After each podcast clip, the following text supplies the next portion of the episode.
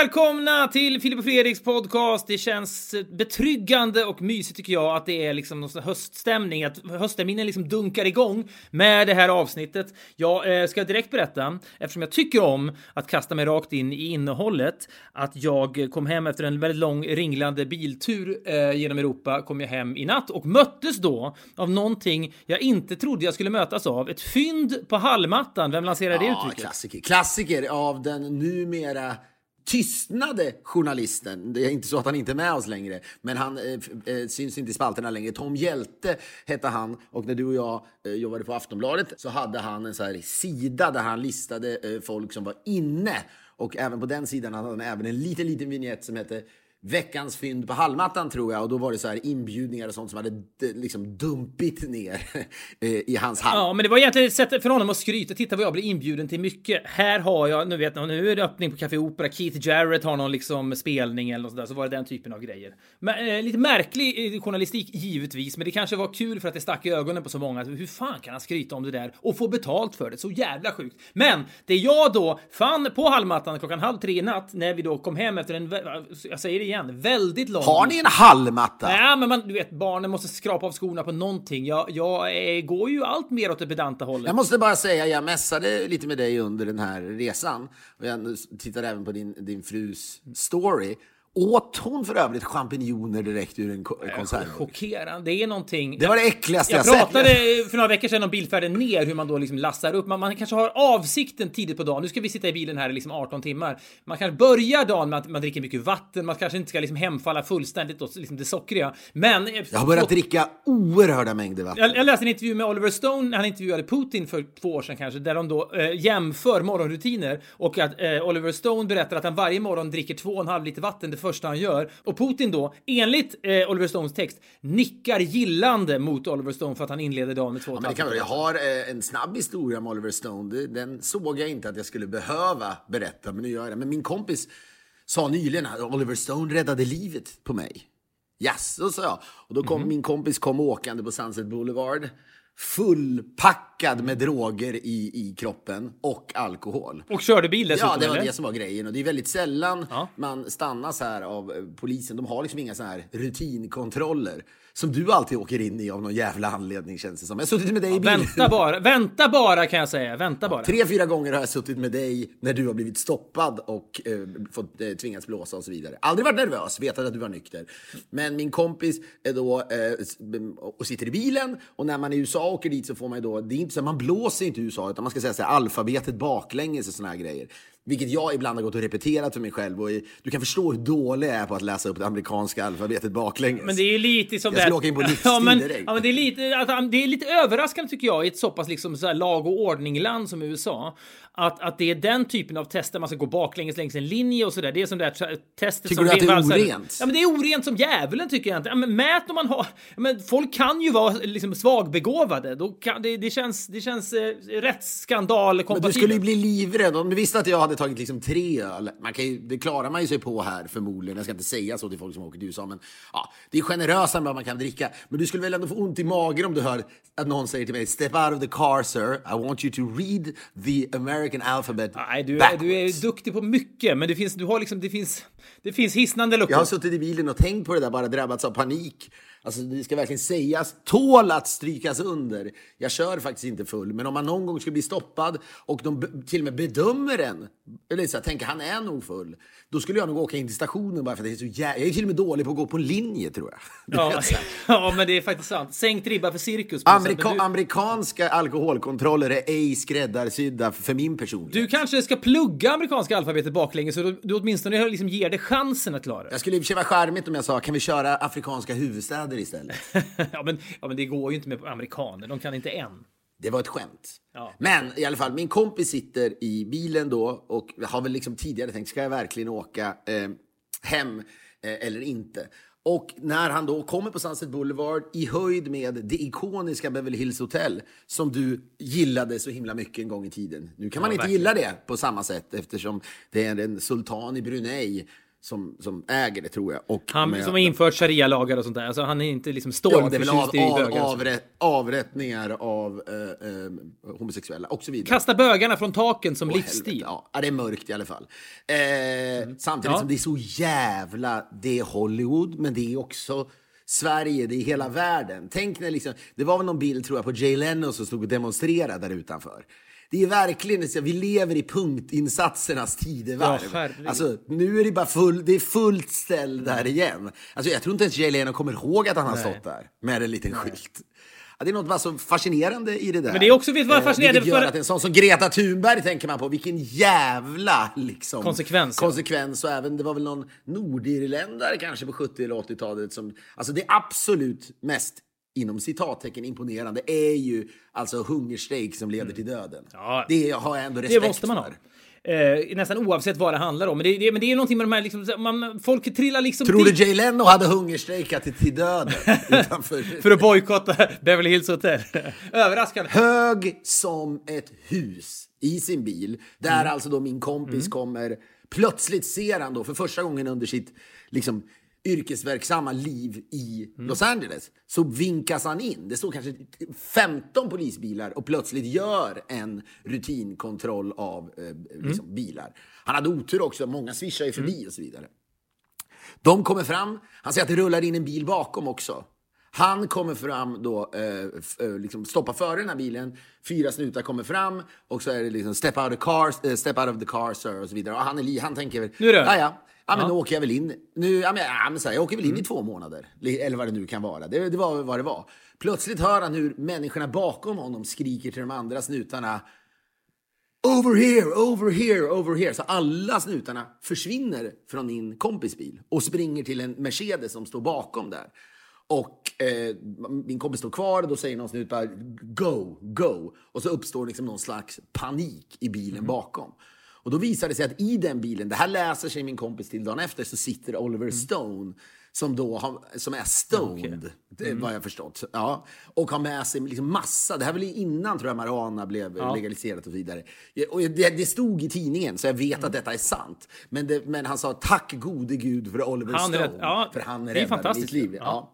Ja. Oliver Stone då, där, dit hamnade vi eftersom du menar att han drack två och- och ett halvt glas vatten varje morgon. Nej! Två och en halv liter vatten det första han gör varje morgon. Ja, Glas, två och ett halvt glas är lika orent som att läsa alfabetet baklänges. Ja, det får jag säga. Men två och en halv liter vatten varje morgon och Putin då är imponerad över detta och dricker också mycket vatten. Det ska man tydligen göra. Gud vad ändå många människor på jorden vill imponera på Putin. Vad man än... Det sjuka är att, jag, låt oss säga att du, jag fått göra en, du och jag hade fått göra en intervju med Putin.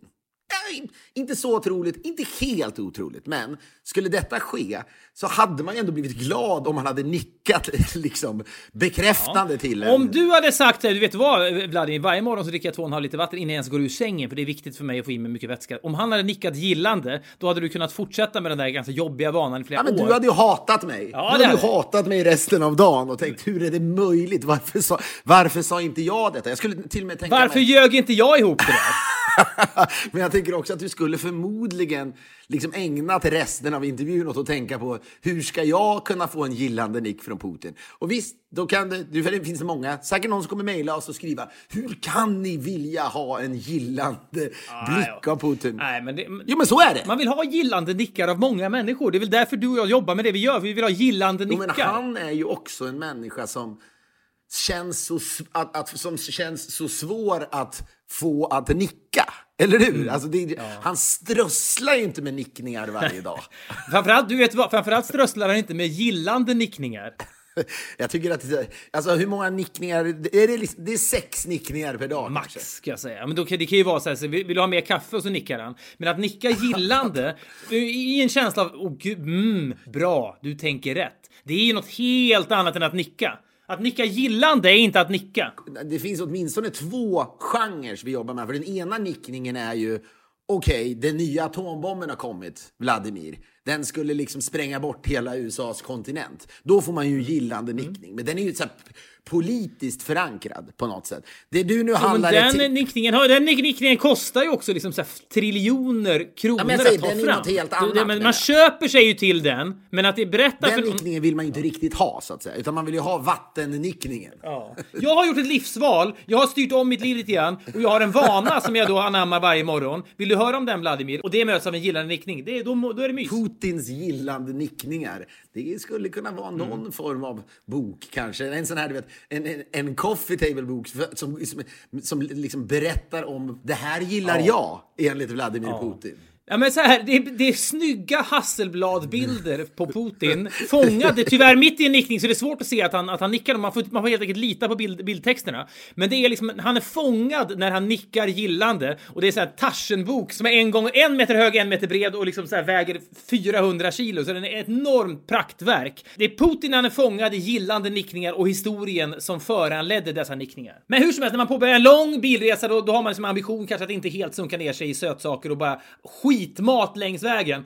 Så man då, men det håller i en, ungefär en halvtimme så sitter man bara och trycker i sig massa liksom Red Bull och det är kaffe och det är liksom godis och det är allt som krävs för att man ska hålla sig vaken. Men jag chockas då när min fru Johanna tar fram en, en konservburk som hon öppnar där hon sitter och plockar råa champinjoner. Det var det äckligaste jag sett. Jag All, all, det, gick ett sus genom bilen. Det var, det var någon, något av det Ja, min, jävligaste. alltså. eh, när jag tittade in någon gång eh, och min tjej hade köpt konserver också köpt massa svampkonserver och så här seitan och alla.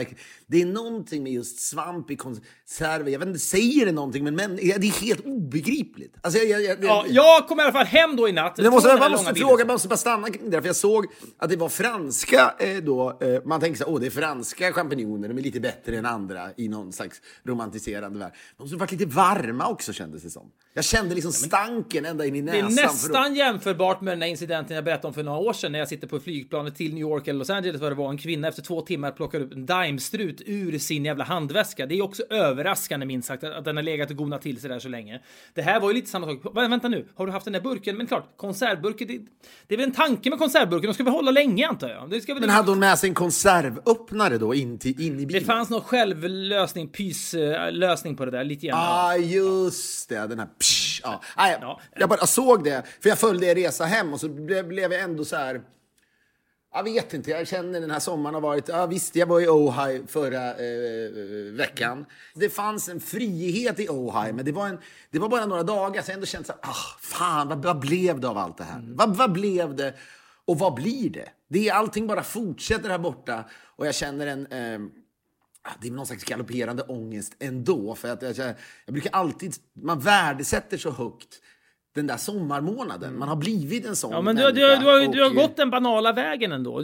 För jag skulle ändå säga, kanske både du och jag, för när vi lärde känna varandra för, liksom 20 år sedan, om, att, då kunde man nästan göra sig lustig över människor som tyckte att sommaren var så jävla viktig. Lev resten av årets 11 månader istället så kanske inte sommaren blir så viktig. Men det blir ju svårare när man har barn och så vidare. Ska jag berätta om ett väldigt klassiskt ögonblick eh, när din och min vänskap, tror jag, fördjupades. Mhm. Och vi ins, någonstans, vi var lite, vi betedde oss osmakligt, men det var också väldigt livsomfamnande. Mm. Det var, vi stod på Götgatan. Mhm. Vi gick in på en resebyrå, minns du det? Ja, nästan, he, nästan hela vägen i Viskanstull va? Ja, precis. Och så sa vi bara, vi kan åka var som helst imorgon. Kom ihåg att den där friheten i det, det kände, jag tror vi kände lite att vi var punk. Tyvärr så tror jag vi kände det. Jo, Ja, punk är vi- väl fel ord, det tror jag faktiskt inte vi skulle liksom tillskriva oss själva. Jag tror vi kände så här, det här kan vi göra nu för vi är vuxna och fria och frilansande. Vi kan Ja, göra precis vi precis vill. frilansare. Vi kan, vi kan, vi har liksom Vet du vad? Vi gick in där i förhoppningen också, det vi säger det till den här människan som jobbar på resebyrån då. Vi kan åka vad vi vill. Säg vad du tycker vi ska åka. Vet du vad vi ville få då? Vi ville få Ja, gillande ni- nickning. gillande nickning. Ja, det fick vi inte riktigt minns jag. Jag minns att vi gick därifrån. Kul, nu har vi bokat en resa till Helsingfors tror jag det blev. Men den här liksom gillande nickningen fick vi inte av den här jadade liksom eh, Och att, resebyråanställda. det just, och att det blev inget ont om Helsingfors nödvändigtvis. Men jag tror vi hade väl liksom någon... Vi trodde väl vi skulle vakna upp i Boston 24 timmar Ja, senare. eller du vet så här. Orientexpressen, Istanbul till liksom eh, Paris till Istanbul eller något sånt där. Vet, att, att det sen blev en superresa till Helsingfors är ju ett, ett underbetyg kanske. Vi är denna vecka sponsrade av Fodora, eh, den här fantastiska leveranstjänsten av mat som är så oerhört aktuell, relevant och bra i dessa märkliga coronatider, eller hur? Ja, men det är någonting med att man, att man då vill stötta sina restauranger som man gillar och så vidare. Och jag gillar ju heller inte att laga mat så jävla mycket så att då kunna få två flugor i en smäll. Det här, har varit, det här har ju varit en sanning hela våren, hela sommaren, men det fortsätter att vara en sanning nu även när hösten kommer. Vi har inspelningar som drar igång alla mot alla. Vi kommer att få dåra massa käk dit, givetvis. Jag tycker att det här är någonting. Du skiner alltid upp. Ja, men- du skiner alltid Det är upp när någonting där man säger, mat från nu Foodora får, jag, levereras. nu får jag god mat och jag behöver inte göra någonting. Jag tycker det är liksom, det är, visst man betalar för det, men det vore väl sinnessjukt om man inte gjorde det. Har du inte använt Foodora eller onlinepizza tidigare får du 75 spänn i rabatt på din första beställning med koden Filip och Fredrik, ett ord. Filip och Fredrik. Koden är giltig till och med 27 augusti 2020. Det finns ingenting att vänta på. Vi säger stort tack till Foodora. Nej, men eh, jag bara känner att det, det blev visst, så där kan man säga då att, att man har blivit traditionell och så vidare. Men när kommer jag då få resa? Jag vet inte när jag kommer få göra det. Nu ska jag visserligen åka på fredag med ansiktsmask till Sverige då för att spela in eh, Alla mot alla. För fråga en sak, det här är, tycker jag är, det här har jag gått och tänkt på. Hur jag ska agera. Jag, ja, eh, jag landar och så ska jag beställa då en taxi, tänker jag. Och då tänker jag, jag kommer då komma med mitt kolfilter eh, munskydd som jag har. Liksom massa filter som man kan byta på vägen och allt vad det är.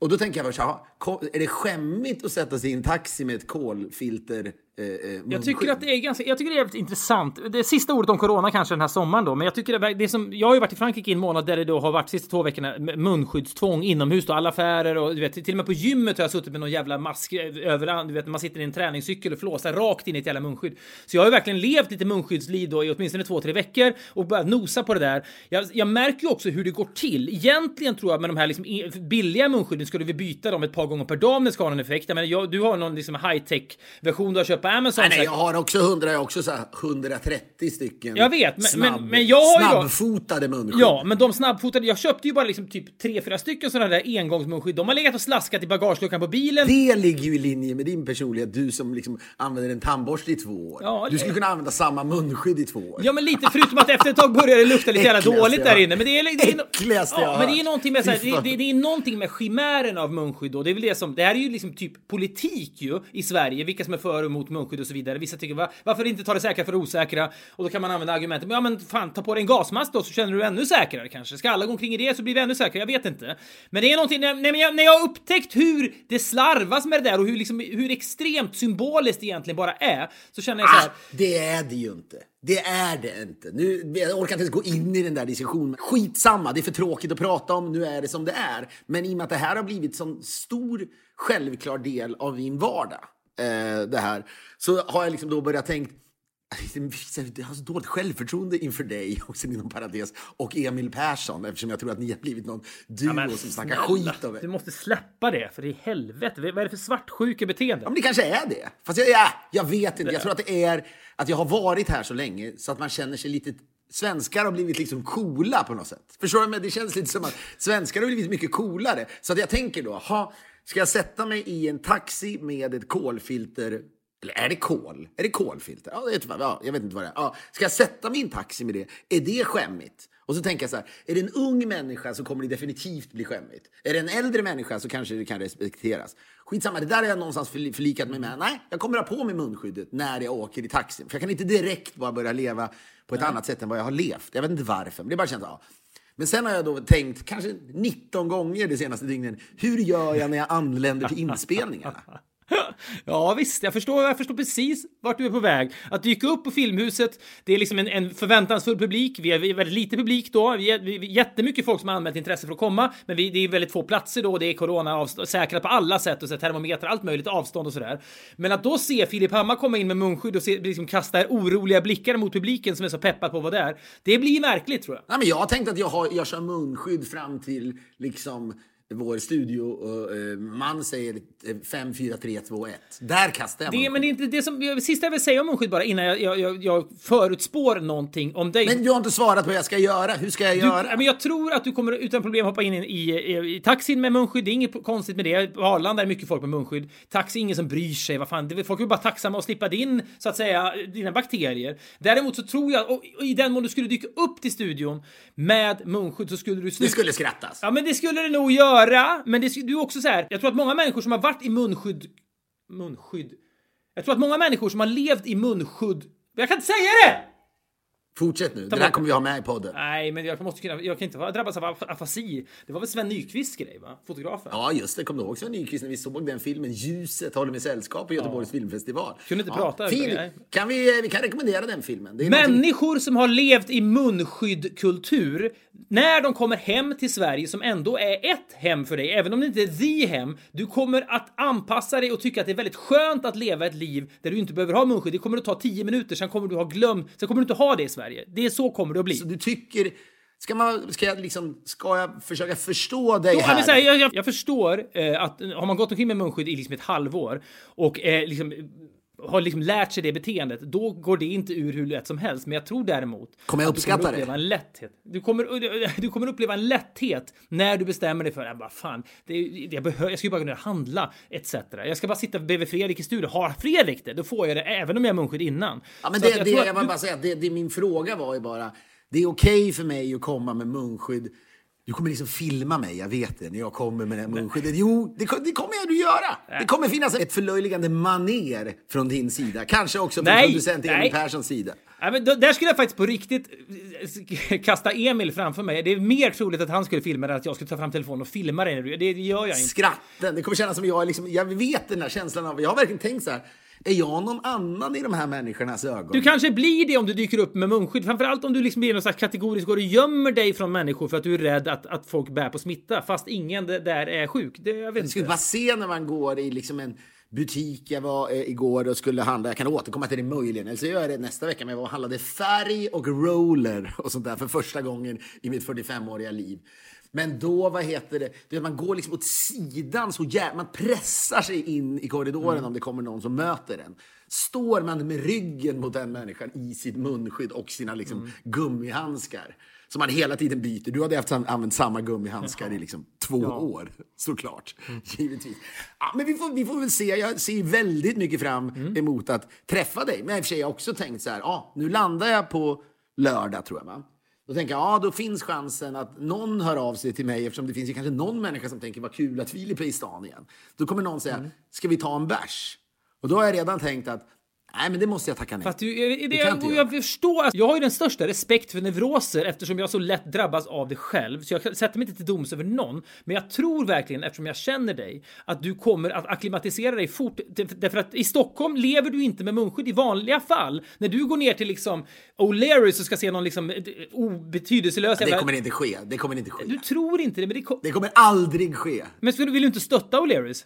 Jag vill hellre liksom stötta världen. Men du kommer att hamna där. Jag lovar dig! Inom tre dagar så sitter du på, på en pub med en bärs med Emil Persson dessutom. Det kommer, du också, det kommer ni också filma med ett förlöjligande maner. Nej, snälla. Du, du har varit borta för länge nu. Du har varit borta för länge. För, inte vad gäller det här med munskydd och För skit. jag är ju också i grunden, tidigare har jag ju varit, det här kanske vi kan skriva under på, liksom Sveriges mest akklimatiserande människa. Ja, Eller verkligen. When in Rome skulle liksom kunna, du skulle kunna tatuera in det. Ska jag göra det?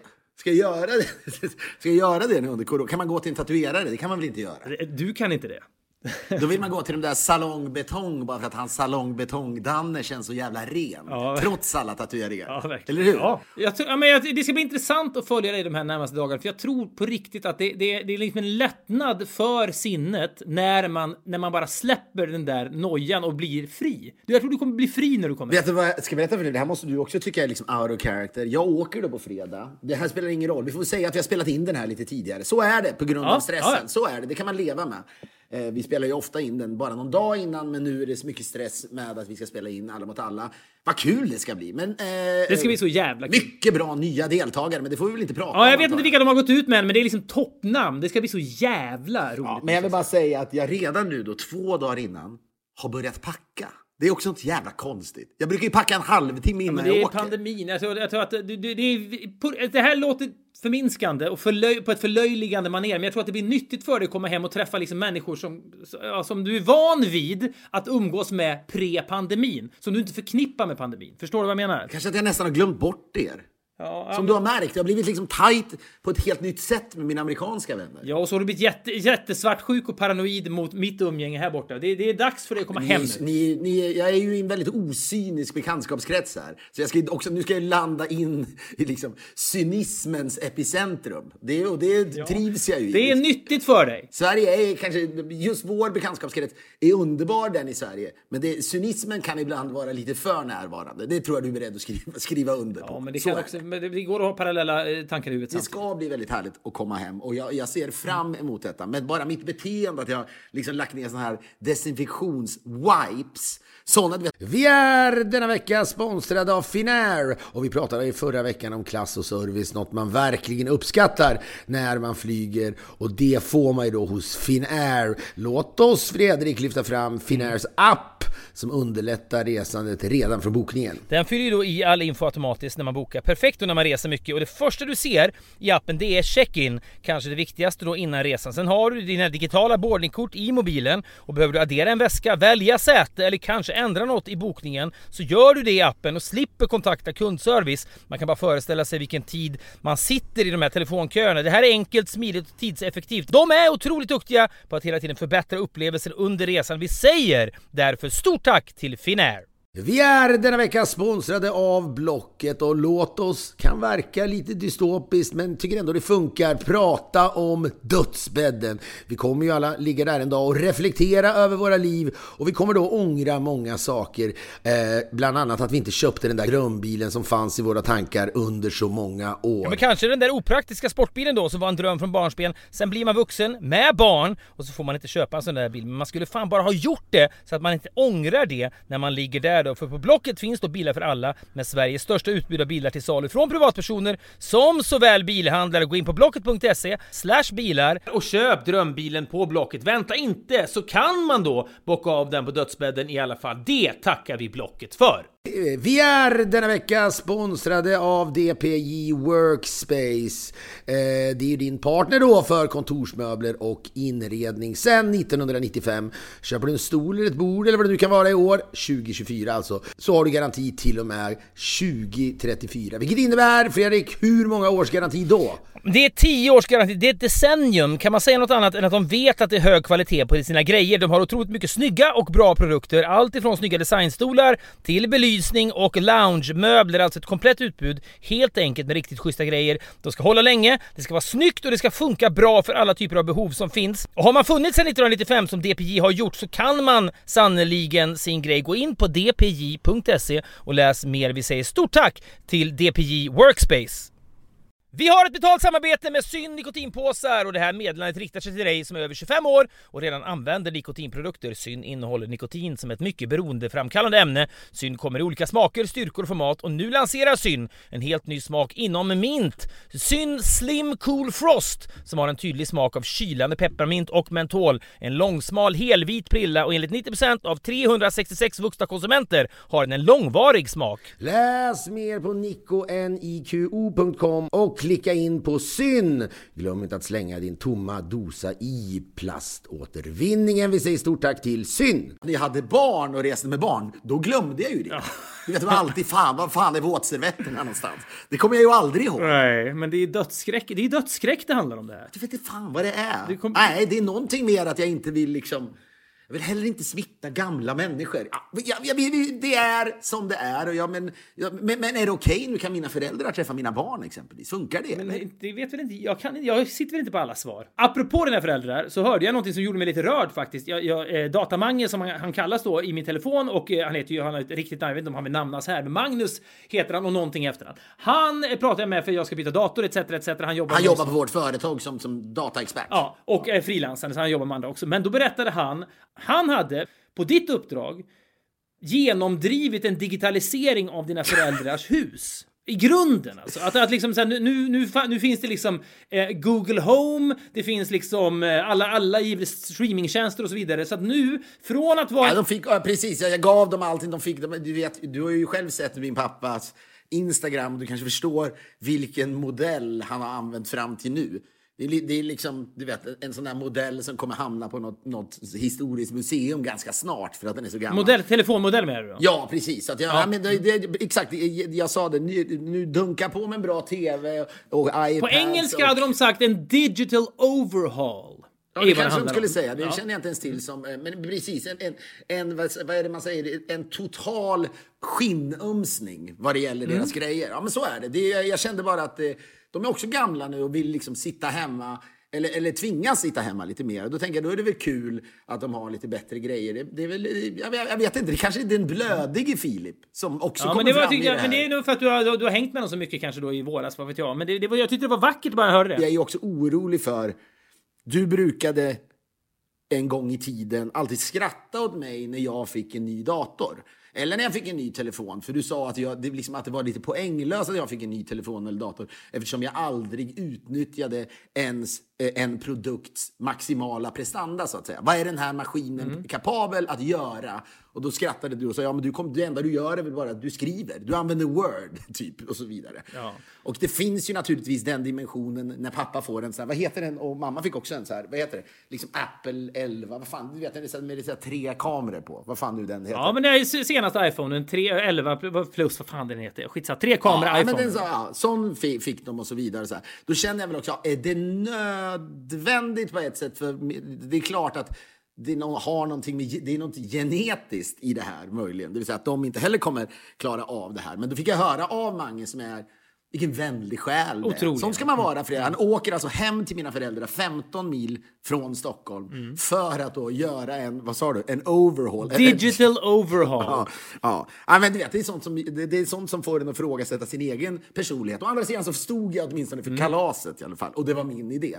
Men då, och där tycker jag liksom Mange gick för långt. Han vill alltså då lära min pappa hur man pratar med Google. Mm, Det, bör- det är lite. Jag har aldrig gjort det. Jag vet inte, gör du det eller? Nej, men jag har ju bott, man har hyrt hus och sådär, så har det funnits Alexa och sånt där. Så kan man testa så här, play Bob Dylan och så kommer All along the Watchtower och så tänker man fan vad mäktigt och så gör man det kanske inte så ofta mer. Men vissa sätter det där i system, men jag använder inte Siri i min telefon. Jag, jag, jag, ser inte riktigt poängen. Då berättar, och den här, du, det är någonting som bara, det är redan komiskt när man vet att pappa ska prata med Google. För det är framförallt han, han som kommer göra det. När hans, om, tanken på att Lars Hammar säger “Hello Google” och så ställer han en fråga, det är kul. Ja, men i alla fall. Och, och sen lämnade ju Magnus naturligtvis den här, eh, mina föräldrars hus. Och jag kan bara föreställa mig nu, på ett sätt gör ju Magnus ett han, gör, han har stått vid ett vägval och han väljer nu att bli kontaktad av mina föräldrar flera gånger per dag. Eftersom det här inte fungerar. Det förstår du ju, eller hur? Ja. En, pakt, en pakt med djävulen har han ingått. Ja, det har han. Men han är, liksom, han är en bättre människa än vad du och jag är. Så att han, Ja, kommer, liksom, han, han kommer liksom kunna hantera det. Men då hade han lärt eh, då pappa att man kan prata med Google. Och då hade pappa sagt så här. Google, läs de senaste nyheterna. Du måste ju fatta här nu Fredrik, att en man som är född 1942 en man som kommer ihåg Kennedy-mordet, månlandningen, Kubakrisen. En man som har le- levt i ett analogt Sverige. En mamma som bodde två Mm. år under ett träd innan hon kom till Sverige som flykting från Estland i någon jävla roddbåt. Du måste förstå att för de här människorna... Mm. Ja, det är din, din mammas Ja, mamma precis. nej, ja. men mamma låg- För dem är, för dem, för dem är det här Nej, liksom... men mamma låg var ju med i båten också. Mamma föddes inte i Ja, det Sverige. vet jag, men jag trodde du pratade om din pappa först. Men här kliver de rakt in i framtiden. Ja, men, men och det, jag fattar att det är nästan sorgligt kanske. För att man vet att man är så dålig. Jo, men vadå? Det måste du väl fatta? Så- Hur cynisk är du? Men sorg... Men, ja, men, jag, men du tillskriver en känsla på dem som jag är inte säker på att de delar. De kanske tycker det är härligt också. Ja, samtidigt som min mamma sa med det här, det tror jag berättade om i podden, att hon sa för första gången känner jag mig gammal eftersom jag nu är utpekad som riskgrupp och jag inte får ta riktigt mina egna beslut och så vidare. Så att jag tror ändå det finns något det. Men då hade i alla fall pappa då fått feeling. De skulle iväg, tror jag, till sina vänner på någon slags, är det kräftskiva ännu? Mm, det kan det nog vara. Och då ja, har pappa då fått feeling. Kanske har han tagit ett glas vin och så mamma håller på och fixar sig fortfarande och han sitter där. Och så säger han då Google, läs de senaste nyheterna. Och självklart golvas han av att då Google hjälper honom med det här. Då, då sitter han där och ur högtalarna strömmar det då nyheter som, som då kommer Ja, jag antar det. Jag antar det. Och det som jag, jag måste säga är, är då det som är så jävla, eh, på något sätt, eh, fint i det här är att jag tror att han först sitter där och, njuter av eh, de nya tiderna, så att säga. Och det fortsätter. Sen så, Ja, men närheten, närheten till informationen också, lättheten i kommunikationen. Han säger så här, jag vill ha nyheter nu och här kommer nyheterna. Det är ju klart att det är toppen. Det är väldigt långt från hela min uppväxt och mamma på en analog radio hade på P1 från morgon till kväll. Risken var ju när du växte upp och du slår på kanske radion sju minuter över sju. Då har ju ekot precis varit. Då måste man sitta och vänta 53 minuter innan det är nyheter igen. Det här är ju skillnaden. Nu får han nyheterna direkt Ja, oavsett det vad klockan är. Men du vet, man växte, jag växte upp, kanske har man blivit lite allmänbildad men man hörde alltid, då är det dags för Vetenskapsstudion och sånt där. Det var ju någonstans deppigt, men det var den generationen eh, av, av människor eh, liksom, lyssnade på radio på det sättet från morgon till kväll. Jag tror att det på, på många sätt det har liksom allmänbildat svenskarna, kanske, om man har Mm. växt upp i sådana eh, sammanhang. Men nu ska kan pappa bara säga Google läs de senaste nyheterna. Och han sitter då där. Sen sker väl det som ofta brukar ske, det vill säga att min mamma skriker högt i hela huset. Lars, nu ska vi gå! Och du vet ju han då rycker till när han kommenderas att göra någonting. Ja. Jag menar, det är en oerhört ojämlik relation det där. Det är vansinnigt. Ja, men hon är ju parant... Ja, men hennes röst är ju liksom... Den skär genom material. Hon är ju liksom en dominatrix utan latex. Kan man väl säga. Ja, en verbal dominatrix, ja. Ja, så att hon, det är väl så här, nu kommer du så kommer du att han alltjämt nu då vid 78 års ålder blir ju rädd. Du har ju sett det här många gånger. Och det är ju, Mm. Ja, och det är visst. också, han, är, Han får något jagande ja, i blicken. Han är jävla mes också. Det är ju rimligt att hon skriker till honom. Och så ska han då försöka få Google och, och, och sluta läsa nyheterna här. Och han får då panik, för han, han vet inte hur han ska göra det. här. Tina, Tina, nu fortsätter de bara läsa. Och hon blir arg på honom och säger så här, vad fan, har inte Magnus berättat för dig hur man gör? Nej, eh, jag vet inte, vänta nu, eh, det, det, det, är det, alltså, det är en panik som, som, är, som är bananas. Vänta nu, vänta nu. Så han... Hon vill gå på fest. Han får inte stopp på Google och tänker han kan inte gå från huset om han inte Jag vet får tyst på exakt, det är som har glömt, det är som har glömt kaffebryggaren på. Ja. Det är hans nya, det är så här, vad, vad fan, vad fan, vad, Tina, Tina, Tina, nu, nu slutar inte Google att läsa här. Jag vet, jag vet inte om han tänker då, då kan maskinen gå sönder så att säga.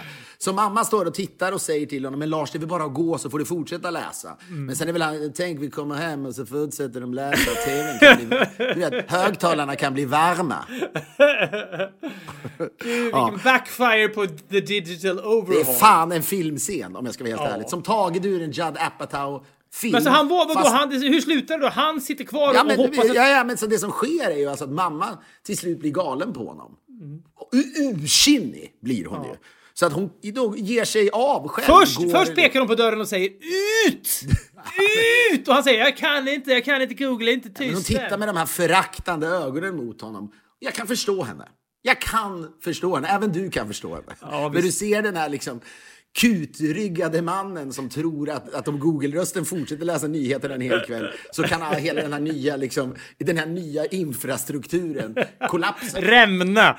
Ja, fan vad hemskt. Det är någonting. Ja. Han känner, han känner han ång, en stor ånger känner han i den. Det var enklare förr när man bara kunde öppna tidningen och slå ihop den igen. Vad kul jag har när jag pratar med dig känner jag. Nu måste jag verkligen åka hem för att prata med dig. Vi kan ju leva så här. Nej, du kommer, att må, du kommer att må så bra av att komma hem, jag lovar dig! Men då pågår det här så att hon går alltså iväg till festen. Före din pappa. Och pappa sitter kvar där då en, eh, eh, en timme hemma. Nej. Och jag, kan, jag, jag förstår hur arg hon blir. Hon blir ju galen där hon är där. Så hon ringer tydligen honom och säger du kan lika gärna vara hemma Lars. Du kan lika gärna stanna hemma. Och, ja. Stanna hemma med Ja, och Google. enligt mamma då så börjar han då gråta i luren. Tina, du kan inte klandra mig för detta. Och i bakgrunden hör... Hör då till... Hör, ja, då hör Tina Google Men rösten i bakgrunden. Tina, vet jag- Men vadå? Det är, någon, är det någon loop? Det är någon loop som man inte ens märker. Är en loop. Ja, det förtäljer inte riktigt Nej, historien. Eller så fortsätter den väl bara läsa nyheterna. Men jag har ju hört pappa gråta tidigare när mamma skriker på honom. Kommer bland annat ihåg när han först vill köpa ett piano för att vi ska börja spela. Han säger det är en bra idé, Filip och Linda kan spela piano. Hon svarar ja på det. Sen kommer pianot levererat hem. Då skäller hon ut honom för att han köper ett piano när vi ändå skulle behöva en ny bil. så att säga. Det är inte samma priskategori. Men ja, då, barnen, barnen, barnen. Mamma är fantastisk men nu är hon orättvis mot mig. Hon är orättvis mot mig. Ja. Så att han igen då gråter. Tina, vad ska jag göra? Vad ska jag göra? Så hör man bara, i Afghanistan har de nya talibanerna plötsligt tagit över. Fan vad sjukt. Vilka, det är en otrolig scen. Ja. När hon hör Google-röster i bakgrunden i det här telefonsamtalet, då, är ju, då dryper hon ju av förakt. Ja. Hon nickar då ogillande. Ja, och då känner de varför gifte jag mig med den här mannen när jag hade kunnat vara tillsammans med en pigg jävel som fattar allt. Äh, otrolig, Ja, men jag vill bara säga vad som sker. Så till slut då paniskt ringer pappa till denne trevlige Magnus Lövgren. Du vet, det ringer pappa ibland, jag trycker ju bort honom. Det gör ju du med dina föräldrar också. Man trycker ju bort dem. Ja. Han skulle aldrig göra det vad han än gör. Här ringer en gammal värdig människa. Det är klart jag behöver, ja. Och då berättar han att man säger då Google stopp. Och sen är Mange kvar, Mange är då kvar i luren när pappa till slut sä- säger Google stopp och nyheterna slutar. Och han du vet, tack, tack, tack Ma- Magnus, tack, tack. Magnus vet ju inte om att pappa är liksom är piskad av min mamma då. Så, att, så går han till festen i alla fall och enligt då pappa så pratar inte mamma med honom på hela helgen på grund av det här. Det är... Han kommer ju aldrig, det är ju det där, du vet när man men när man gick i skolan och man någon gång när, när man, skulle, man skulle visa att man kunde simma i gympan. Och jag tyckte jag kunde simma bra för jag hade varit med mina föräldrar i Frankrike. Men jag körde någon slags hundsimsvariant. Då kom jag och blev upplockad ur poolen av, av gymnastikläraren som sen bara sa du får simma i den andra poolen. Vilket gjorde att jag sen, det tog väldigt lång tid för mig att lära mig simma. Jag sjukanmälde mig varje gång vi skulle ha eh, gympa i skolan för att jag liksom Det här, är ju, sju- det här har vi inte pratat om, men alltså hela min uppväxt, så jag bodde i Otterbäcken då, då hade, fanns ingen badhus där, så vi hade simning två gånger per termin kanske. Då åkte vi till badhuset i Kristinehamn, där man då skulle simma. Och jag kunde inte simma, så jag var, låtsades alltid vara sjuk. Jag var bra på gympa i övrigt, bollsport. Exakt likadant, du och jag Ja, alltså. så Samma att sak. jag lyckades mygla undan detta under hela lågstadiet och hela mellanstadiet. Sen när jag då i sjuan flyttar upp till Sundsvall, hamnar på ett, Sveriges då näst största högstadium söder om Sundsvall. Enormt stor skola. Det är det första jag ser på den första skoldagen när jag inte känner någon i min nya klass. Jag är inflyttad från Västergötland, pratar bred västgötska. Ska nu hamna i en klass bara med Sundsvallsbor. Nervös för det förstås. Det första jag ser att bredvid den här skolan ligger en simhall och jag förstår ah, nu går det inte att ducka längre. Då, då är det ju simning en gång i veckan och på den första lektionen då säger då gympaläraren Peter heter han. Ah, hoppa i bassängen, simma 25 meter så jag ser att ni kan det här bara. Och folk vet, vräker sig. De gör volter, de dyker, de krålar här 25 meterna. Ryggsim med sån här Ja. snurrvändning. Fjärilsim och grej. Kvar på kortsidan, på den grunda sidan, står jag, tar tre simtag, klarar inte mer. Resten av klassen har redan vet, på, på 10 sekunder simmat de här 25 meterna, vänder sig om, ser att den nya killen i klassen, han som precis har börjat sjuan, han kan inte simma. Det var fan mörkt. Det är nästan sommarprat-kompatibelt. Ja, och då, det, det jag skulle säga med, med det här var ju att man undviker ju då, man sjukskriver sig eller du vet vad, vad det nu hette i skolan. Sjukanmäler sig kanske, men för man inte vill vara med. Och samma sak med pappa, han kommer inte våga säga Google läs nyheterna igen. Det kommer ju ta Nej, år hemskt. innan han gör det igen. Men å andra sidan, när vi nu pratar om det i den här podden ska jag tvinga honom att göra det och be mamma filma honom. För jag tror att det kan vara ganska kul, Ja, det tycker jag är jättefint. kul att höra honom säga Google stopp, Google stopp. Läs de senaste Han borde, Google nyheterna. borde ju kontraktera honom på samma sätt som det, att det var stort ett tag. Bland det största vi har varit med om var ju när Christian Lok läste Hej och välkommen till TV4. Det, var ju, det blev ju lite goals för oss nästan. Tänk att han får Ja men vi göra vet, när kända människor var med på telefonsvarare. Ringer man till Tranans telefonsvarare 1995, då är det Pontus Gårdinger som säger hej och välkomna till Tranan. Våra öppettider är... dirr." Och så var det Christian Lok som när man ringde till TV4s telefonsvarare, då var det Christian Lok Ja, som... Och nu skulle man behöva något att Google-rösten som säger What can I help you with? Borde vara pappa då. What can. I help you with? Hej, mitt namn är Sergej Brin. Jag ringer från New York. Jag startade Google. Ja. Jag, skulle vilja, jag skulle vilja hälla pengar över dig. Fan vad mysigt. Men du, ja, men det, är, bara en- det är en fin historia, men jag vill bara då cirkla tillbaka. Som vanligt har det här varit en free-flowing konversation. Nu återvänder vi till att du och familjen har åkt i 20 timmar i en bil. Din fru har ätit konservchampinjoner. Det är spänt där framme eftersom hon har ätit ch- champinjoner. Du klarar inte ens av lukten i bilen av champinjoner. Men Nej, nu kommer ni hem. Nu kommer ni hem, dörren öppnas och vad finner du på halvmattan? Vi har då åkt sträck, åkt från Garmisch-Partenkirchen i södra Tyskland i 20 timmar, kommer hem på halvmattan. Det ger mycket skit. Har du ägnat dig då åt så kallad summit-turism? Jag var på ett hotell där G7-mötet hölls 2015 och Barack Obama, Angela Merkel, eh, vad heter han, den här britten, James Cameron, nej inte James Cameron, David Cameron va? Ja, men, ja. Vad roligt om han bara, fan ska vi bjuda in James Cameron till G7 kanske? det är- Han kan prata lite om Avatar. Han kan snacka lite hur det går med alla de här sequelserna nu i coronatiden. Nej, typ inte helt otroligt. då. Men Inte alltså, jag var på det där hotellet och sen så bilade vi då en jävla... Men jag får bara säga, gick du in i något av rum? Kände du, för det, Summit är ju då toppmöte. Ja, det är någon slags toppmöteturism. Alltså, de, människorna som åker dit vet ju om att här har G7-mötet hållits. Så det är, det, det är ju något väldigt flyktigt i det tyvärr. Man går, går in i ett rum och så vet man här har Obama suttit med Merkel. Och så är man där och så försöker man få tag på den här känslan. Varför är det här mäktigt? Det är liksom inte riktigt det. Varför har jag betalat mycket pengar för det här för när jag kunde bott någon annanstans? För det går inte att... Men vad fan, hur mäktigt var det att bo i det där hotellrummet i New York där Dylan hade sovit? Det är ju aldrig Nej, mäktigt. men det visade sig sen att det inte var det rummet heller. Det är, sånt där är Enda all... gången, för nu har jag löser jag då vad vi ska spela för låt i slutet. Enda gången jag har upplevt en känsla av Oj, vad mäktigt det här är. Det, ja, det är två gånger i och för sig. När vi var på JFK-museet i Dallas, kommer jag ihåg, det här, då fick man bland annat gå in i det här liksom, rummet där Lee Harvey Oswald stod när han sköt ja. JFK. Det var ju lite parodiskt eftersom du och jag försökte, liksom, precis som alla andra människor, lösa mordet Ja, då när vi stod där. Kan han verkligen ha skjutit här? Är det möjligt? Och så vidare. Ja. Alla står där och liksom, blir privatspanare i tio minuter innan man går till Men du och jag är tillsammans med TV4-profilen Anders Pilblad på, eh, vi är på Graceland.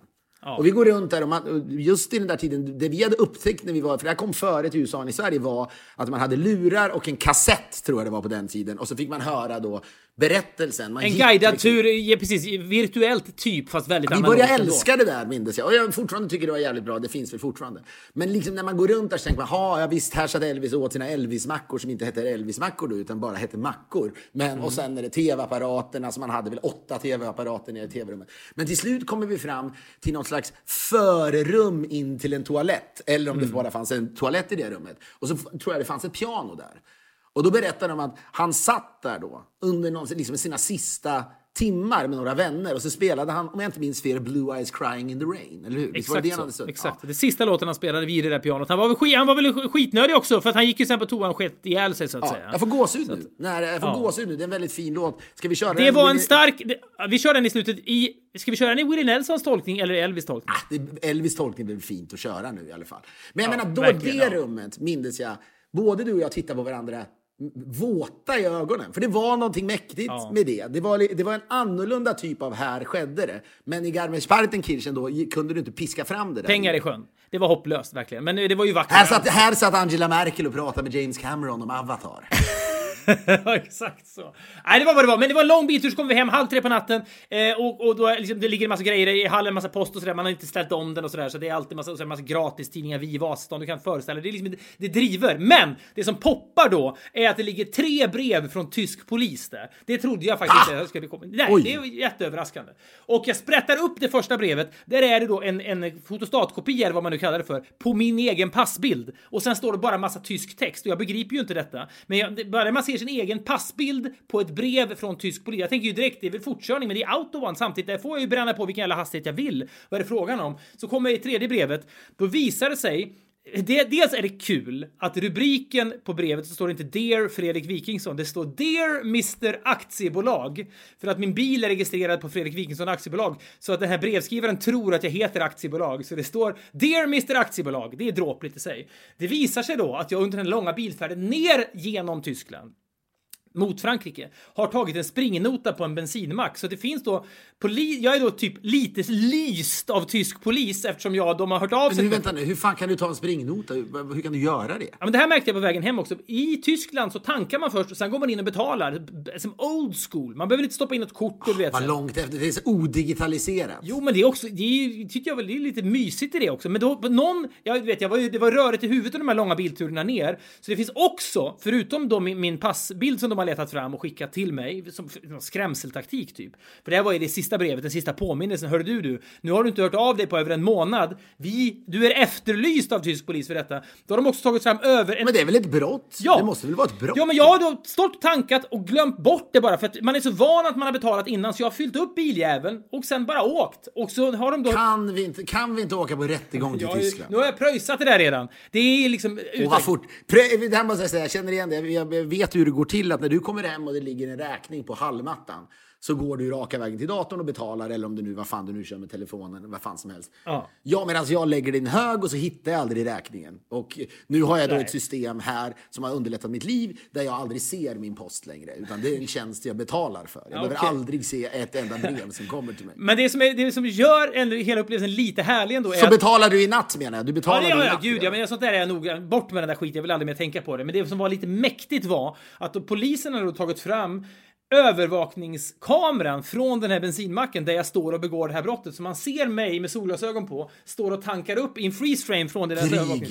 Dryg svensk turist tar bensin och blåser vidare ner genom Tyskland. Men är du säker? Har, liksom, förstår du tyska så bra så att du liksom inte är åtalad för något? eller? Jag, eh, helt ärligt så orkar jag inte läsa igenom allt. Jag tänkte, betalar jag så är det väl bra. Men det var någonting med det som en känsla av att jag utan min egen vetskap har varit lyst av tysk polis i flera veckor. Jag fick en Det var ju Interpol-känsla. som någon kompis till oss. Jag kommer ihåg att det var någon kompis till oss. Jag tror det var en kompis till en kille som heter Henrik Westin som vi jobbade med för länge sedan. Han berättade en historia om att, tror jag, att en kompis till honom hade fått liksom, en parkeringsbot när de var i Florida för massa år sedan. Då. Sen återvände de åtta år senare.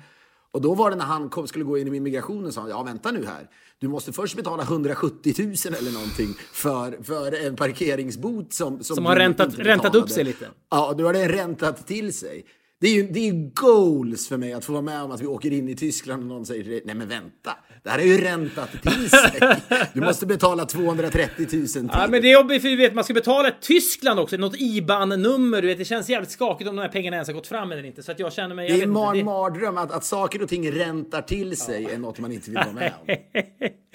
Verkligen inte! Hörni, vilken härlig stund vi har. Du, så här Filip. Måste jag åka hem? Vi har ju jättetrevligt så här. Jag vet att vi har men du kommer älska att träffa alla dina kollegor, alla de här som ska vara med och tävla, alla de här, du kommer ha det så bra. Alla cyniska människor. De är inte, du vet, pandemin har gjort saker med alla. Det är, det, det är en varm ton i umgänget. Du kommer att bli omfamnad om du vill bli det, annars tvingar vi inte på dig någon Nej, kram. det vill jag inte Nej. bli. Det vill jag inte Det är bli. så kul att du och jag, du och jag byter roller. Jag, du som alltid varit den stora kramaren, nu ska du bli människan som... Det är, alla armbåg, det är armbågen som gäller. Det jag du vet. Ja, men det, så är det faktiskt i Sverige också. Det är ingen som kramas i onödan här. I Frankrike så kör de höft mot höft i någon slags liksom, halvjuckig Nu rörelse. är det som det är och eh, jag får ta mig hemåt.